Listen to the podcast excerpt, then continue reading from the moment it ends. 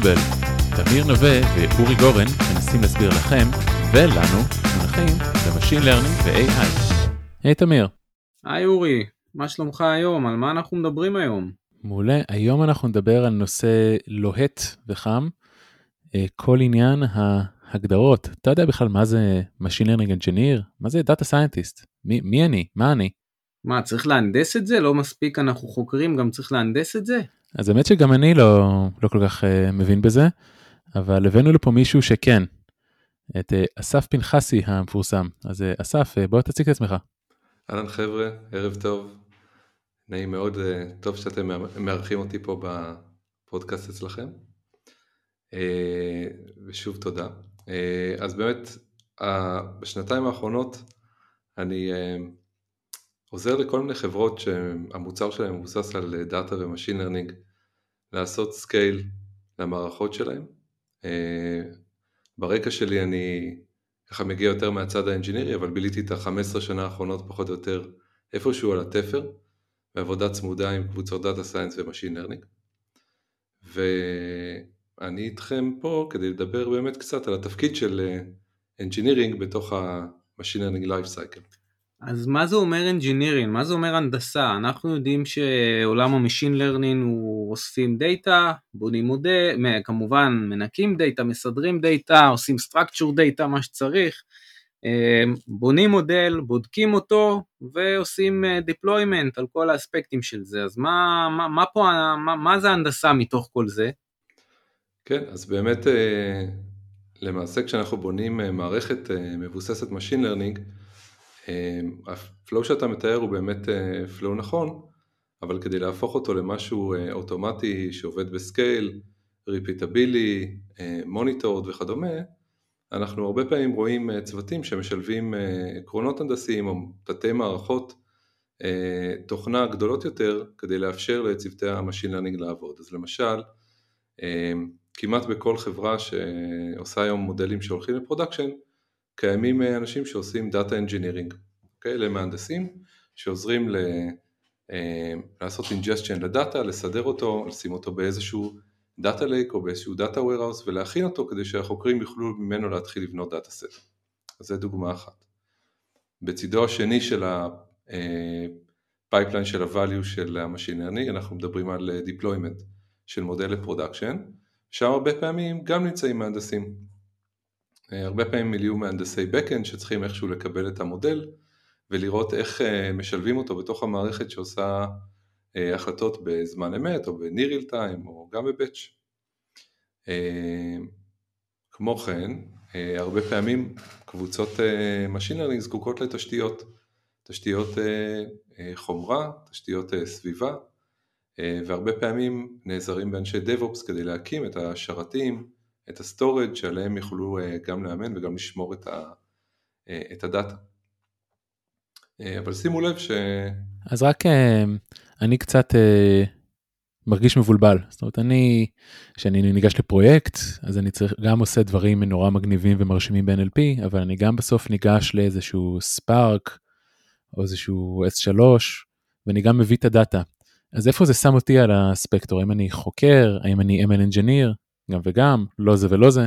כן, אז בהחלט הנקודות, נקודות התפר אה, אה, שקיימות היום בצוותים אה, קלאסיים, באמת כמו שאמרתי, מסתכלות על הכניסה והיציאה מתהליך ה-machine learning, אז באמת כשאתה ניגש לאותו Spark cluster אז מישהו דאג להביא לך שם את ה-event-ים שמהם אתה אולי אחר כך תעשה טרנספורמציה או תעשה feature engineering, מישהו דואג לתחזק לך את ה-Spark clusters האלה ולשמור על ה-storage שלהם, לעשות להם partition וכדומה, אז זה באמת בכניסה.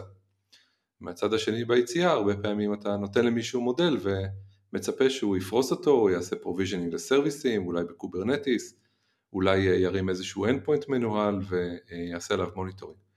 אז אלה תפקידים אה, בכניסה וביציאה, שני התפקידים האלה למשל הם תפקידים אה, קלאסיים שכמעט בכל תהליך Machine Learning שהולך ל-production, איכשהו יש נקודת מגע עם, עם מהנדסים. אמ, וכמו שהזכרתי גם יש לנו אה, אה, אנשי DevOps שהרבה פעמים עוזרים להרים סביבות אה, פיזיות, אם זה שרתי אימון, אם זה רכש של שרתים פיזיים, יש הרבה חברות שמאמנות on-prem וכדומה. אבל שים לב, ש... או שימו לב תפקידי ההנדסה האלה נמצאים ממש בגבולות של ה machine learning והרבה צוותים מבצעים את כל תהליך המחקר והפיתוח על ידי data science בלי עזרה של מהנדסים. ודווקא אני רציתי לספר קצת על מקרים שבהם לעשות embedding לעקרונות הנדסיים בתוך תהליך פיתוח ה machine learning יכול להקפיץ את הצוות ולהעיף אותו קדימה בצורה חסרת פרופורציה. תגיד, מה, מה, מה שונה מה... אני מכיר יותר אנשי data scientistים, אנשי מחקר, אנשי אלגוריתמיקה, אני מכיר את ה mindset כי אני באתי משם. מה, מה, מה ההבדל בין זה לבין mindset של, של מהנדס ML? זה, זה, אותו, זה אותו איש מקצוע? זו אותה חשיבה? מה ההבדל? שאלה מעולה. אני חושב שאם הייתי צריך לתאר ככה, זה כמובן בצורה של ארכיטיפים, לתאר את הפרסונות של חוקרים לעומת מהנדסים, אז חוקרים ואנשי דאטה סיינס אוהבים מאוד לקחת בעיה מורכבת, לצלול ולפרק אותה ולמצוא את הפתרונות הייחודיים לכל בעיה ובעיה, למצוא את ההזדמנות להבריק, להסתכל על בעיה מאיזה פרספקטיבה מיוחדת ולתת לה פתרון יצירתי. שזה תכונות נורא חשובות לאנשי data science. ומהנדסים לעומת זאת, אני חושב הרבה פעמים נוטים נורא לחפש את המשותף דווקא בין בעיות, בין מקרים, בין סיטואציות, בין מערכות, כי אחד העקרונות שעומדים בבסיס שכל מהנדס חונך עליו זה לבנות תהליכים שהם repeatableיים ו reusableיים. אז בעצם ככה כבר על face value אנחנו נתקלים פה בשני mindsetים שונים, האחד זה שרוצה למצוא את הפתרון ולמה המקרה הזה ספציפי שעומד לפניי כרגע הוא המיוחד ודורש פתרון מעניין, לעומת המהנדס שהרבה פעמים יחפש איך אפשר להכליל את הבעיה הזאת למשהו שאפשר לחזור עליו, לבנות איזושהי תשתית עבורו, או להכיל אותו בתוך איזשהו life cycle כן יותר סדור, ובעצם ככה להשיג reusability. והרבה פעמים ההבדלים האלה מניסיוני כשהם משתלבים יפה בונים, מאפשרים לנו לבנות מערכות גם יותר נכונות, גם יותר סקלביליות ועם מקום לפתרונות יצירתיים איפה שחשוב ופחות איפה שלא חשוב. מניסיונך, איפה, מה יצא לך לראות שאותם חוקרים או data scientistים לומדים הכי טוב דווקא ממהנדסים? איפה ה-value הכי, הכי גדול? מעולה. אז באמת אם אנחנו לוקחים את ה mindset של, של מהנדסים, מכניסים אותו לתוך ה... Machine Learning Life Cycle, אז אנחנו יכולים אולי לדבר על שלוש רמות שבהן מהנדסים יכולים לתרום לתהליך. רמה אחת שאולי הכי קל להבין אותה, היא ברמת כישורי כתיבת הקוד, אוקיי? הרבה פעמים אנשי data science מגיעים מרקע שפחות הקפידו איתם בו על כתיבת קוד נכונה, אם זה testability, אם זה פירוק, אם זה reuse, אם זה אה, אה, כתיבה אלגנטית ו interfaceים נקיים. פשוט תגיד, אנשי אלגוריתמיקה הם מתכנתים גרועים, זה ידוע. אני יכול להגיד לכם שהשנים האחרונות אה, הוכיחו לי בכל חברה שאני עובד בה שהספקטרום הוא נורא גדול. אז אני כרגע עושה הכללות גסות, אבל באופן כללי, קיימים, אה, קיימת קבוצה לא קטנה של אנשי data science שפחות אה, מקפידה על הרגלי קוד, והרבה פעמים מהנדס ש... זה politically correct. כן, כן, אני לא אעליב פה את המאזינים שלנו, שבטח חלקם, חלקם הם משתייכים לקבוצה הזאת, וזה ממש בסדר, אבל אני חושב שברמה הזאת באמת מהנדסים יכולים לתרום לצוות, לא על ידי זה שהם ייקחו את הקוד של ה data scientist ויסדרו לו אותו בדיעבד, אלא שילמדו ויטמיעו תהליכי עבודה יותר נכונים עם קוד, וילמדו, בין אם על ידי code review ובין אם בצורות אחרות, את החוקרים כיצד לכתוב קוד יותר נקי. אני יכול להגיד שאחת העבודות הראשונות שלי הייתה בזמנו במייקרוסופט, ועבדתי עם צוות שפיתח אלגוריתמים ל Kinect, אלגוריתמים במצלמות תלת מימד והכל היה ב MATLAB, והיה לי את התפקיד המפוקפק של לקחת קוד MATLAB שהוא כולו בשורה אחת ומכיל כל מיני פונקציות כמו EIG שמחשבות ערך עצמי, וזה נורא נחמד, זה שלוש אותיות ב MATLAB, ואמרו לי בהצלחה, לכתוב את זה ב-C++. אני יכול להגיד שבאמת זה פחות עובד.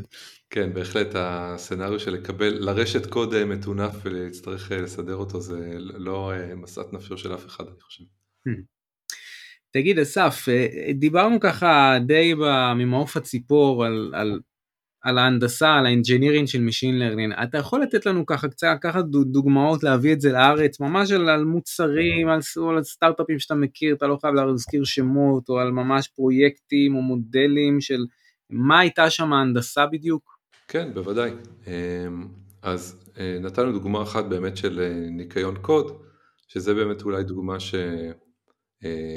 אני לא יודע אם יש הרבה מה להרחיב עליה, אבל בואו ניקח רגע דוגמה של אה, הכנסה של תהליכי פיתוח תוכנה, או קונספטים מתהליכי פיתוח תוכנה, גם לסייקל של פיתוח מודלים. אז למשל, אני יכול לספר לכם על פרויקט בזברה, שזו הייתה החברה שבה עבדתי אה, לפני שהייתי יועץ והייתי שם, אה, הובלתי שם את הפיתוח וניהלתי גם את החוקרים וגם את המהנדסים. אה, היה לנו שם פרויקט מאוד מאוד מורכב שכלל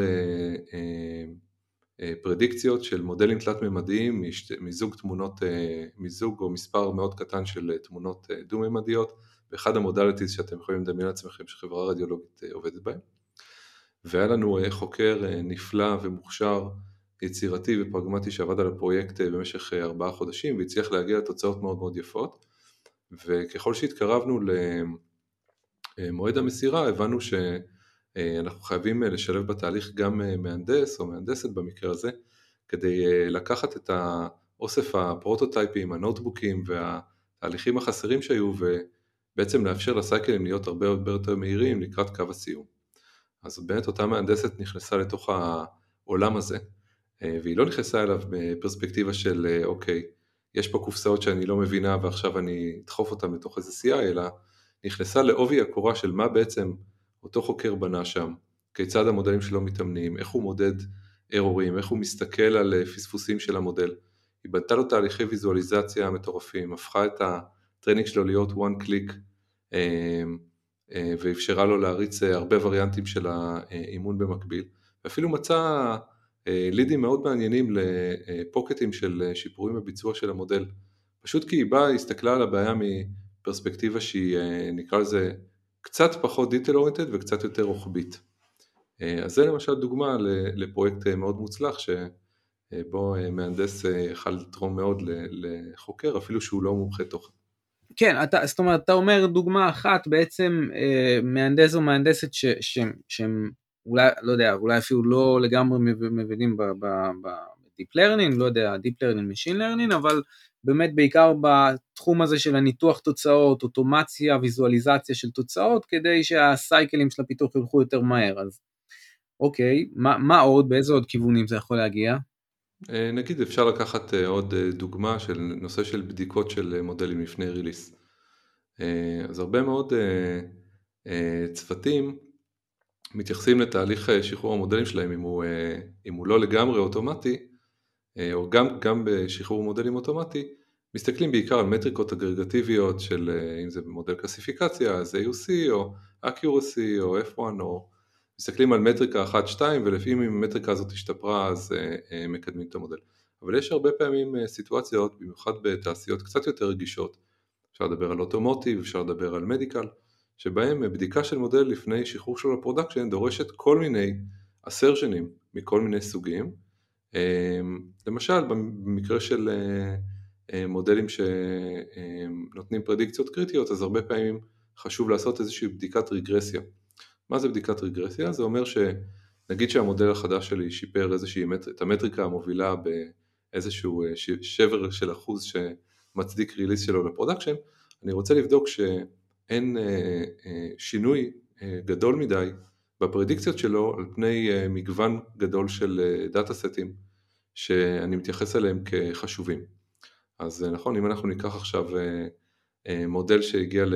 לא יודע, 90 ומשהו אחוז accuracy, תאורטית אפשר ששני מודלים יגיעו בדיוק לאותה ציון ושהם לא יסכימו ביניהם על אחוז לא קטן מהמקרים, אז בעצם להכניס מתודולוגיה של בדיקת רגרסיה. Mm-hmm. כמו שעושים ב benchmarkים לתוכנה בעצם, מגדירים סטים של קלטים ופלטים ורואים שזה פחות או יותר אותו עיקרון.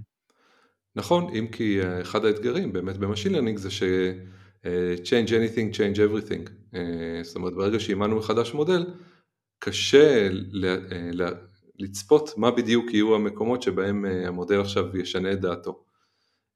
אז בעצם לקחת את הדבר הזה ולהפוך אותו למשהו שהוא אוטומטי, הוא עושה inference ב scale, אוסף תוצאות, לוקח version data מגרסה קודמת של מודל, מבצע את ההשוואות האלה, מכיל קריטריון, ואולי אפילו עושה מה שנקרא push לאיזשהו manual approve, ה mindset של האוטומציה הזאת לפני release הוא מאוד מאוד חשוב, כי אחרת חוקרים הרבה פעמים מוצאים את עצמם יושבים ונמצאים קצת ב paralysis analysis, האם המודל בסדר או לא בסדר וכדומה. אז הנה עוד דוגמה לאיך אפשר להכניס mindset של engineering לתוך ה-machine life cycle. האמת שאתה לקחת את הדיון למקום מאוד מאוד מעניין, כי באמת בעולם התוכנה יש לפחות שלושה סוגים של, של בדיקות שתמיד עושים. יש את ה regression test, שאם העליתי עוד גרסה של התוכנה, העליתי את, לא יודע מה, את אופיס 2010, בוא נוודא שהוא עובד בפונקציונליות של copy paste כמו אופיס 2007, כן, אני משווה regression test, וזה באמת מאוד מאוד, מאוד מאוד נכון גם ל machine learningים, נכון? מה שהתאמנתי מחר כנראה צריך לעבוד די דומה להיום. אתה יכול לחשוב על אנלוגיות גם לטסטים הנוספים, נגיד יש תמיד גם unit test, שזה בדיקת יחידה, נגיד לטובת מאזיננו שלא באו מתוכנה. כתבתי פונקציה של חישוב שורש ריבועי, אז אני כותב סט של בדיקות של תוודא שהשורש ריבועי של 9 הוא 3, תוודא שהשורש ריבועי של 16 הוא 4. ואז אם מישהו משנה משהו, הוא צריך לוודא שכל הבדיקות עוברות. יש מקבילה ל unit test בעולם ה machine learning? כן, בוודאי. בסופו של דבר, כל קוד שמחולק וכתוב יפה, אם השתמשנו בעקרונות הנדסיים של לכתוב קוד יפה, נקי, עם אינטרפייסים ברורים ופונקציות מופרדות היטב, אז כל אחת מהפונקציות הזאת בסוף מבצעת איזושהי פעולה. אם הפונקציה הזאת היא בעולם ה-feature engineering, ואם הפונקציה הזאת היא בחלק מה-training loop שלנו, או evaluation code, ולמעשה כל אחת מהפונקציה הזאת יכולה להיבדק על ידי קלט ופלט סינתטיים. ואפשר לבצע אסרז'נים כדי לבדוק שהפונקציה מתנהגת כמו שצפינו. אז בהחלט גם, גם אלמנטים של unit testים, בהחלט משהו שהרבה פעמים שווה לעשות גם על קוד machine השאלה העיקרית שלי זה ש unit test הוא מאוד דטרמיניסטי, נגיד השורש של 9 תמיד יהיה 3. אבל יכול להיות שאם אני מאמן מודל, יש שם תהליכים שהם לא דטרמיניסטיים, כמו SGD, Stochastic Gradient Descent, זה יכול להיות פעם 3, פעם 3.01, פעם אחת אולי זה בכלל לא התכנס והגיע ל-2. איך, איך מגלמים את זה בעצם בתוך ה framework המאוד strictי הנדסי הזה? כן נכון אז, אז באמת יש פונקציות uh, כן דטרמיניסטיות נגיד אתה לוקח uh, עושה כל מיני טרנספורמציות על NumPy arrays והן פונקציות uh, דטרמיניסטיות אז אתה אמור להיות מסוגל לדעת מה אתה מצפה לקבל בתשובה וגם מה לא הגיוני שתקבל כן כאילו אז, אז כן הרבה פעמים אפשר להנדס להם input ו-output זה נכון שתהליכים קצת יותר גדולים, במיוחד תהליכים שמעורב בהם GPU, ובמיוחד תהליכים שמושפעים מ data, יכולים לתת כל פעם, לתת, לתת לנו תוצאות קצת שונות. אז יש פה עולמות שלמים של reproducibility ב machine learning, שבו אנחנו רוצים רגע להקפיא את ה data ולחזור על פעולת אימון למשל ולצפות לקבל תוצאה זהה לתוצאה שקיבלנו בעבר. ופה אנחנו תוך שימוש ב... כלים שהפריימורקים נותנים לנו, יכולים להגיע לרמת ריפוטוסביליטי גבוהה וכן לעשות אסרשן בצורה הזאת. הקושי הוא כיצד לעשות בדיקות כשהדאטה שלנו כן משתנה.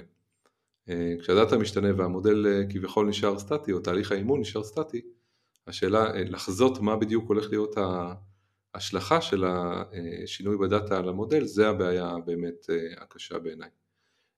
אם כי יש שיגידו שגם ריפוטוסביליטי לפני עצמו זה בעיה מורכבת. גם כשאנחנו לא משנים את הדאטה ורק מנסים לחזור לתוצאה ולקבל את אותו מודל. תגיד אסף, למען הסדר במושגים, אתה מדבר על Machine Learning Engineering, אז בוא תסביר לנו מה ההבדל בין זה לבין מה שנקרא MLOps. כן, שאלה מעניינת. בשנים האחרונות המונח MLOps התחיל לצוץ בכל מיני מקומות, ואם היום נלך לשאול אנשים מה לדעתם המשמעות של MLOps, הרבה, הרבה מהם יגידו זה כל מיני כלים שעוזרים לי להעביר את המודל שלי מ-research ל production. זה ההגדרה שאני שומע הכי הרבה מאנשים. אז הדגש הוא על כלים והדגש השני הוא על להעביר מ-research לפרודקשן. אני פחות מתחבר להגדרה הזאת באופן אישי ואני יותר מתייחס ל-MLOps כ mindset שהמטרה שלו זה כל ה practiceים, הכלים, התהליכים שהמטרה שלהם זה להאיץ את תהליכי המחקר ולשפר את ה quality שלהם, אוקיי? בדומה לתהליכי DevOps שהמטרה שלהם הייתה להשיג את אותו דבר עבור standard engineering. אבל אתה אומר, לא, אתה אומר גם ל deployment וגם ל research, גם וגם אתה אומר.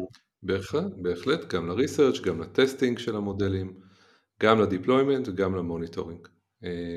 אה, לקבל feedbackים מהירים, אה, cycleים קצרים ולהיות מסוגלים להבטיח איכות של כל אחד מהתוצרים בשרשרת כדי שנוכל אה, לפרוס אותם ולהסתמך על ה artifact שלהם באמת. לעומת זאת, אז, אז באמת אני חושב ש-MLOps זה יותר mindset כזה, שאולי הוא אחד מהדברים שמהנדסים יכולים להביא כשהם מכניסים פרקטיקות של הנדסה לתוך תהליך פיתוח של מודלים. אבל בנוסף לזה יש לנו גם אה, מה שנקרא אה, Machine Learning System Architecture, שעליו אולי אפשר לדבר אה, בשאלה הבאה, שמכליל קצת את הנושא הזה והוא יותר domain specific מאשר פרקטיסים של MLOps שהעקרונות שלהם משותפים כמעט לכל הפרויקט. לא יודע אם את התשובה הזאת הייתה כל כך ברורה. אז כבר הרמת להנחתה, מה זה בעצם, איך ארכיטקטורה של Machine Learning System שונה מארכיטקטורה של תוכנה סטנדרטית? מה, מה משתנה ב-best practices? Uh, זהו, אז ה-best practices uh, העקרוניים המאוד מאוד אבסטרקטיים uh, לא כל כך משתנים, אבל להחיל אותם על עולם, ה machine דורש איזושהי קפיצה מחשבתית. אחד, בעצם כל אופרציה שקורית לפני שיש מודל מאומן, היא בעצמה מערכת תוכנה, אוקיי? כשאנחנו אה, מפסיקים לחשוב על חוקר כמישהו שעובד אה, ב notebook אה, באופן עצמאי ועם הסייקלים שלו או שלה עם עצמה ועוברים לחשוב על תהליך אימון מודלים כאיזשהו מערכת שאליה אנחנו שולחים בקשה לאימון, האימון מתבצע ברקע, אפשר לעקוב אחריו, אפשר לבצע השוואות וניתוחים אוטומטיים בין תוצאות של אימון אחד לאימון אחר או לבצע טסטים והשוואות בין אה, מודל מאומן למודל החדש, או כשאנחנו מדברים על תהליכי curation של דאטה סטים, שבעצם קורים לא בצורה של פינצטה שחוקר יושב ומלקט לו אה, דוגמאות, אלא קורים באיזשהו data lake שמשמש את ה... אה, ספציפית את בניית המודל לצורך curation ו labeling, אז אנחנו כבר מדברים על איזושהי מערכת שהמטרה שלה זה בעצם אה, לאפשר לבנות building אה, blocks שיאפשרו לקבוצות המחקר לפתח לא רק את המודל הזה ולא רק את המודל הבא שהוא יהיה ליד, אלא אוסף של אה, מודלים ויכולות בצורה הרבה יותר סקלבילית מאשר אימון שקורה אד הוק. האמת שאם כבר אמרת את ה-N-word, שזה כמובן notebook, אז אני אשמח לדעת את דעתך סביב האג'נדה הזו של אה, האם דאטה סיינטיסטים וחוקרים צריכים לכתוב קוד Python חלילה עם IDE ו PyCharm וכל הדברים המפחידים האלה, או האם uh, טוב להם להישאר ב Colab, Jupyter, במחברות, מה, מה ה take שלך על העניין? PY או IPYNB? כן, um, אני יכול להגיד ככה שאין שום אה, דבר פסול במחברות, אני חושב שאני משתמש במחברות uh, כשאני רוצה אה, לבדוק משהו הרבה פעמים בסביבות cloud, הרבה יותר נוח לעבוד עם מחברת כדי לעשות prototyping מהיר לדברים, אין, אין שום דבר אינהרנטי רע במחברות. אני חושב ש... אמ, אז נעשתה הרבה מאוד עבודה בקהילה לנסות אה, להעביר גם למחברות כל מיני practices engineering, כמו למשל להיות מסוגל לעשות scheduling למחברת, להיות מסוגל לעשות טסטינג למחברת, להיות מסוגל לעשות פרמטריזציה למחברת וכדומה. ויש להם בהחלט הרבה יתרונות כשאתה רוצה שיהיה לך משהו שתוכל לעשות ויזואליזציה לתהליך שלך תוך כדי העבודה, אין, אין בזה שום ספק.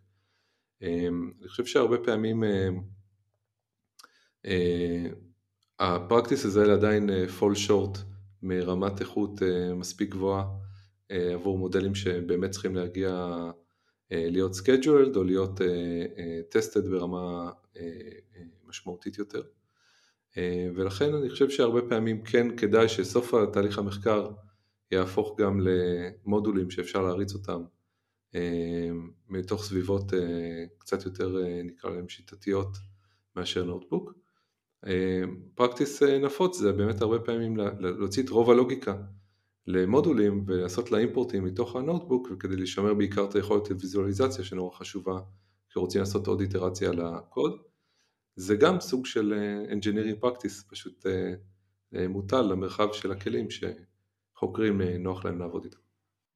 אז, אז, אז בוא אני רוצה עוד פעם קצת להוריד אותך למה שנקרא לקרקע עם דוגמאות. אתה אומר ML System זה, זה לא, לא יודע אם אתה מסכים להגדרה שלי, אוטומציה, כל אוטומציה שהיא שיכולה לעזור לפיתוח Machine Learning, פיתוח ו deployment של Machine Learning. אתה יכול להגיד אם אתה מסכים או לא עם ההגדרה שלי, אבל בכל אופן הייתי שמח לדוגמאות יותר פרקטיות מניסיונך, מפרויקטים שעשית וכן הלאה. נהדר, אז בואו ניתן, בוא ניתן דוגמה למערכת שבניתי, אחת המערכות הראשונות שבניתי כשעבדתי ב PayPal. אז בעצם ב PayPal הובלתי, בתחילת דרכי שם הובלתי צוות של Data Engineers שעבד בצמוד לצוות Data Science. והצוות Data Science הזה הגיע אלינו יום אחד עם אוסף של שאילתות SQL שרצו על ה-Data Warehouse של החברה ואמרו אנחנו בונים פה איזשהו גרף של ישויות מכל מיני קשרים מסוגים שונים, מיתנו אותם בצורה של שאילתות SQL וכשאנחנו מריצים אותם על ה-Data Warehouse של PayPal, שזה Data Warehouse ענק, השאילתות מתפוצצות, אתם יכולים לעזור לנו לאפטם את השאילתות האלה בבקשה? ככה הרבה פעמים אינטראקציה בין Data Scientist ל-Engineers מתחילה. Data Scientist נתקל בבעיה טכנית שהוא לא יודע לפתור והוא מנסה שה engineer יפתור לו את הבעיה הזאת.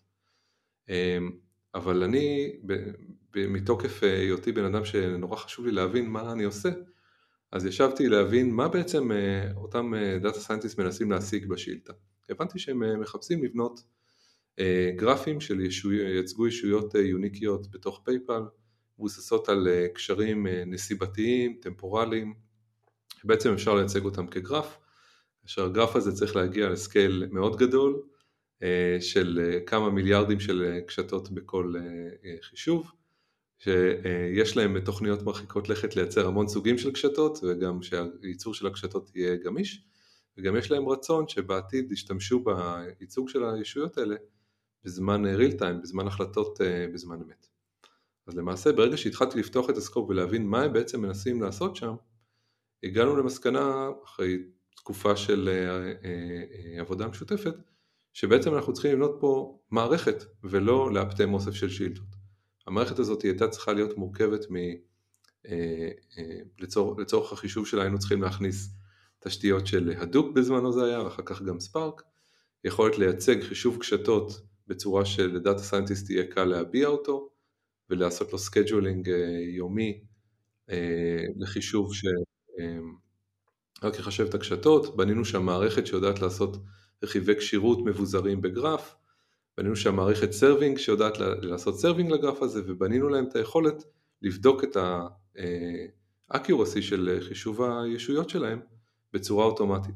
אז בעצם אה, כדי, כדי לקחת את הדומיין הזה של ייצוג ישויות כגרף שרצו לעשות עוד ועוד ממנו ולייצג כל מיני סוגים של ישויות וכל מיני סוגים של גרפים ולהגיש אותם ב production, היינו צריכים בעצם לבנות מערכת שהקוד, ה machine learning או הקוד data science הספציפי נכנס בו בנקודות מסוימות, בהבעת הקשתות ובהבעת האלגוריתמים של רכיבי הקשירות או ההטלה של התתי מבנים על הגרפים, והשאר היה engineering בעצם. אז אה, זו דוגמה לאיך אה, משהו שהיה נראה להם שכן, אני רק אריץ את השאילתות האלה, בסוף אה, היה צריך להיות בעצם מאחוריו מערכת שלמה עם אבסטרקציות שאפשר לחזור אליהן. אז אני אשאל שאלה קצת גסה. בעידן שלנו שיש את SageMaker ויש את Vertex ויש עוד אה, מספר דו ספרתי לפחות של סטארט-אפים ישראלים שעושים את כל ה pipelining ואוטומציה ו experiment management לא רוצה לעשות פה קידום לאף אחד כי אז יכעסו אולי על מי שכחתי. מה, מה, מה, מה עוד נשאר לעשות בתחום הזה? אני חושב שאחד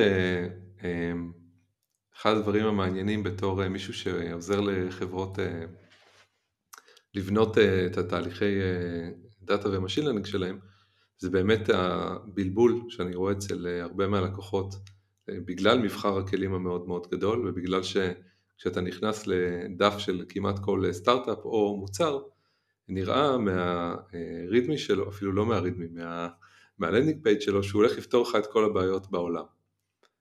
אבל למעשה מה שקורה זה שהרבה פעמים הכלים האלה הם מנסים להיות מין engineering in a box.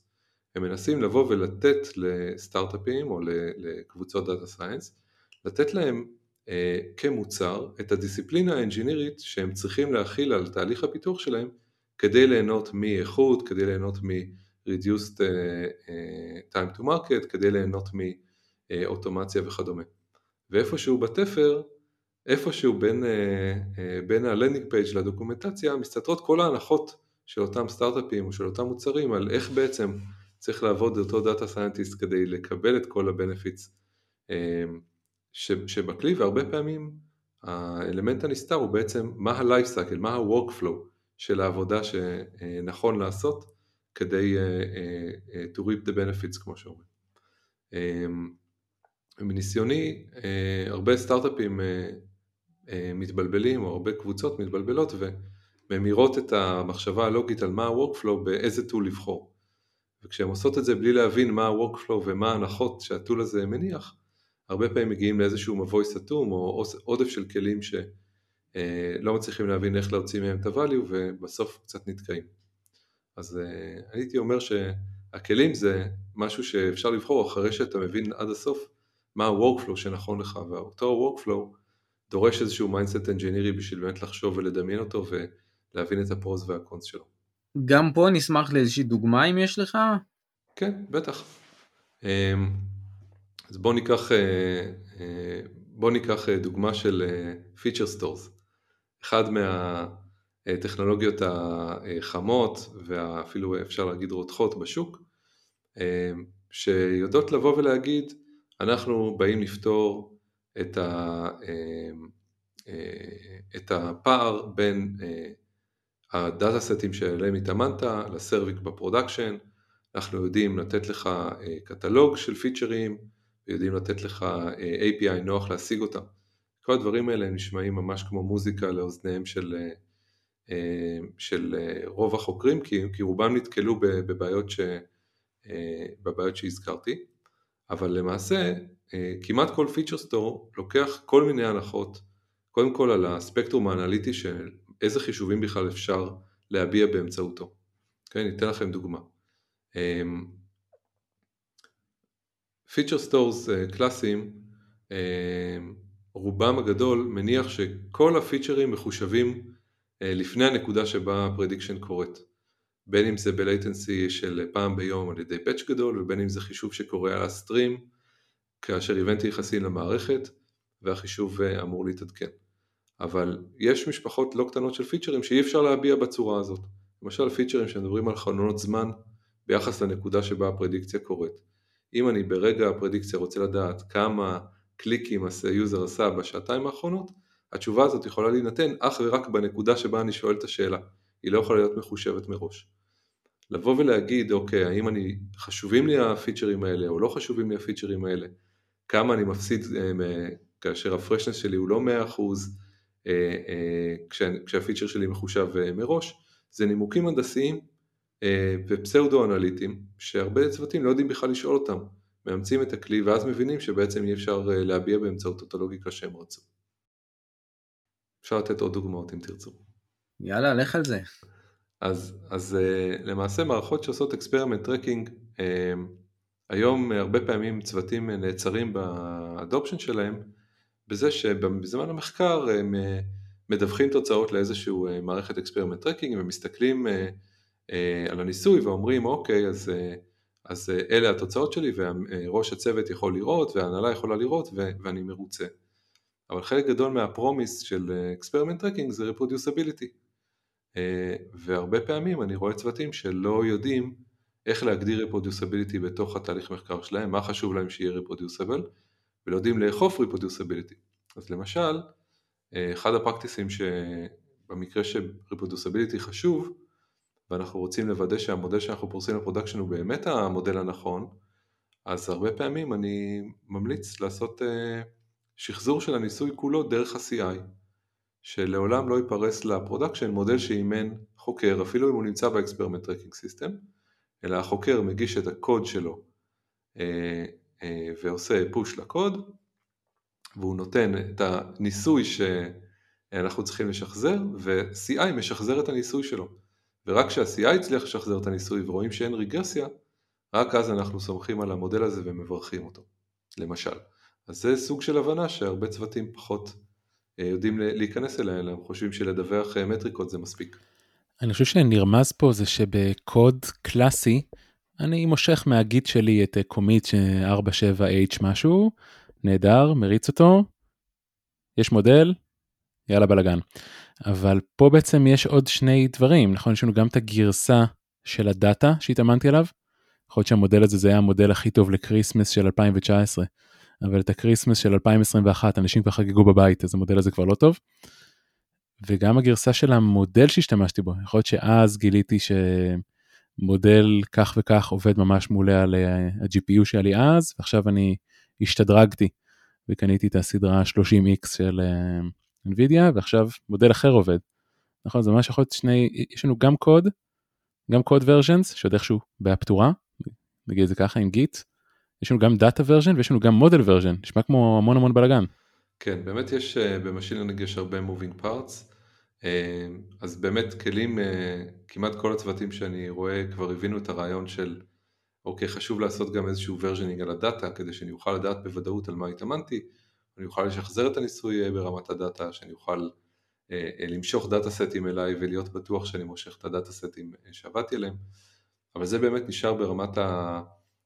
נקרא לזה ה-reproducibility הידני, אוקיי? כאשר הרבה פעמים הדוגמאות אה, שככה באמת חשוב לנו להגיע אליהם זה לוודא שלא אה, קורית טעות אה, אנוש וחוקר מקדם ל production מודל שאפשר לשחזר אותו אבל הוא לא נותן את התוצאות שרצינו. והוא לא זה שעליו באמת אותו בחנו ועליו אנחנו סומכים שיעשה את הפרדיקציות. אז לתת לאיזשהו מערכת אוטומטית לאמן את המודל עבורך מבטיח שאותה מערכת אוטומטית מקדמת את כל הארטיפקטים הקריטיים, כולל את ה data set, כולל את ה training code ואת המודל המאומן, אה, בצורה הכי traceable ית אה, ל production, ולא אה, רק מה שחוקר אמר שצריך לקדם. איזה מזל שיש מבוגר אחראי בצוות. אז אה, באמת מכל הסיפורים אסף אני באמת לאט לאט אה, נופל לי האסימון שצריך פה עוד לא מספיק רק מי שיודע לאמן מודל צריך פה הנדסה מסביב וזה באמת איזשהו טייטל כזה כללי להמון דברים אני חושב מגוונים שיכולים להיות.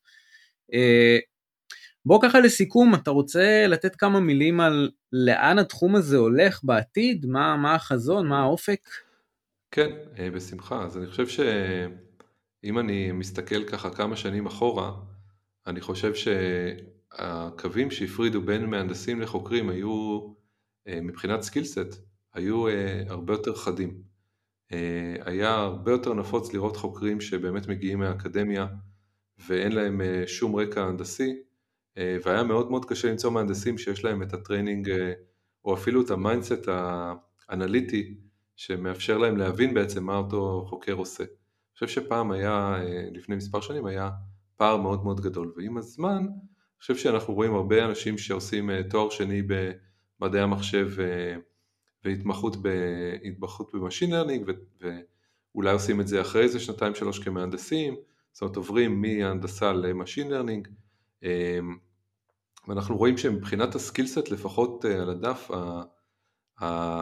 שתי הדיסציפלינות האלה מתקרבות מאוד, זה מצד אחד מצד שני אנחנו רואים נהירה מאוד גדולה, לפחות בעיניי, אה, לעשות enablement ו-empowerment ל data scientist, אה, לעשות אה, מה שנקרא full cycle, ולא להצטרך מהנדסים ב loop לעולם, אלא להיות מסוגלים להוציא את המודלים בעצמם ל production.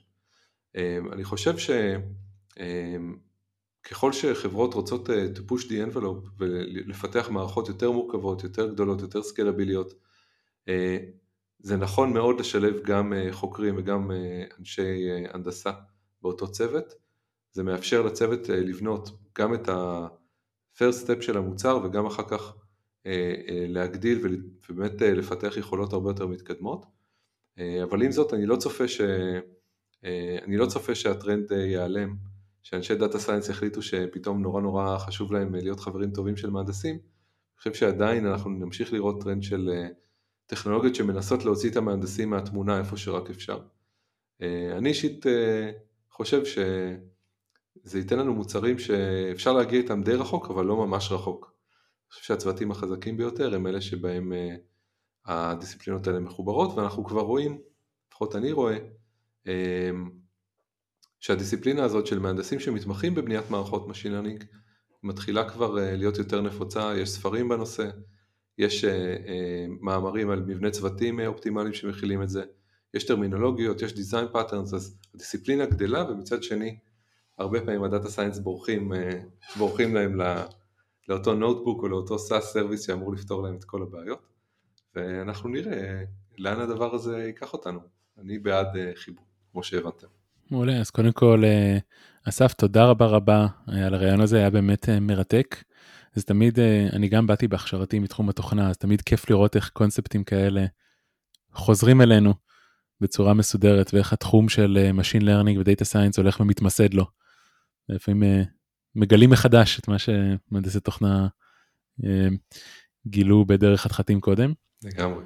אז תודה רבה, ומי שרוצה עוד לקרוא ולהעמיק, אני יודע שהתחום הזה מאוד מאוד חדש, אבל על איזה תוכן היית ממליץ, איזה בלוג, איזה ספר, כדי להיכנס לעניינים? אמ, הייתי אומר, מבחינת ספרים, אמ, יצא לפני אה, משהו כמו חצי שנה ספר על אה, Machine Learning Design Patterns, שנכתב על ידי חבר'ה מגוגל, אה, שמדבר לפחות, חצי ממנו מדבר על Design Patterns של Machine Learning Systems, ולא טכניקות וטריקים באימונים, והחצי השני כן על טכניקות וטריקים באימונים. אה, ספר מאוד מאוד מוצלח, הוא אה, מזקק מאוד יפה אה, חלק גדול מהלמידה שהם עשו שם בעבודה על המון מודלים, לדברים שאני חושב שגם data science קלאסיים יכולים לגמרי להבין ולהעריך וליהנות מזה. אז הייתי ממש ממליץ על הספר הזה. וחוץ מזה אני גם מדי פעם כותב במדיום, אז אתם מוזמנים לעקוב אחריי. מעולה, אז אנחנו נשמח לשים את הכישורים האלה בתיאור של הפרק. אז אה, שוב, אה, למדנו המון. תודה אסף, ותודה על ההאזנה. יאללה ביי. תודה לכם.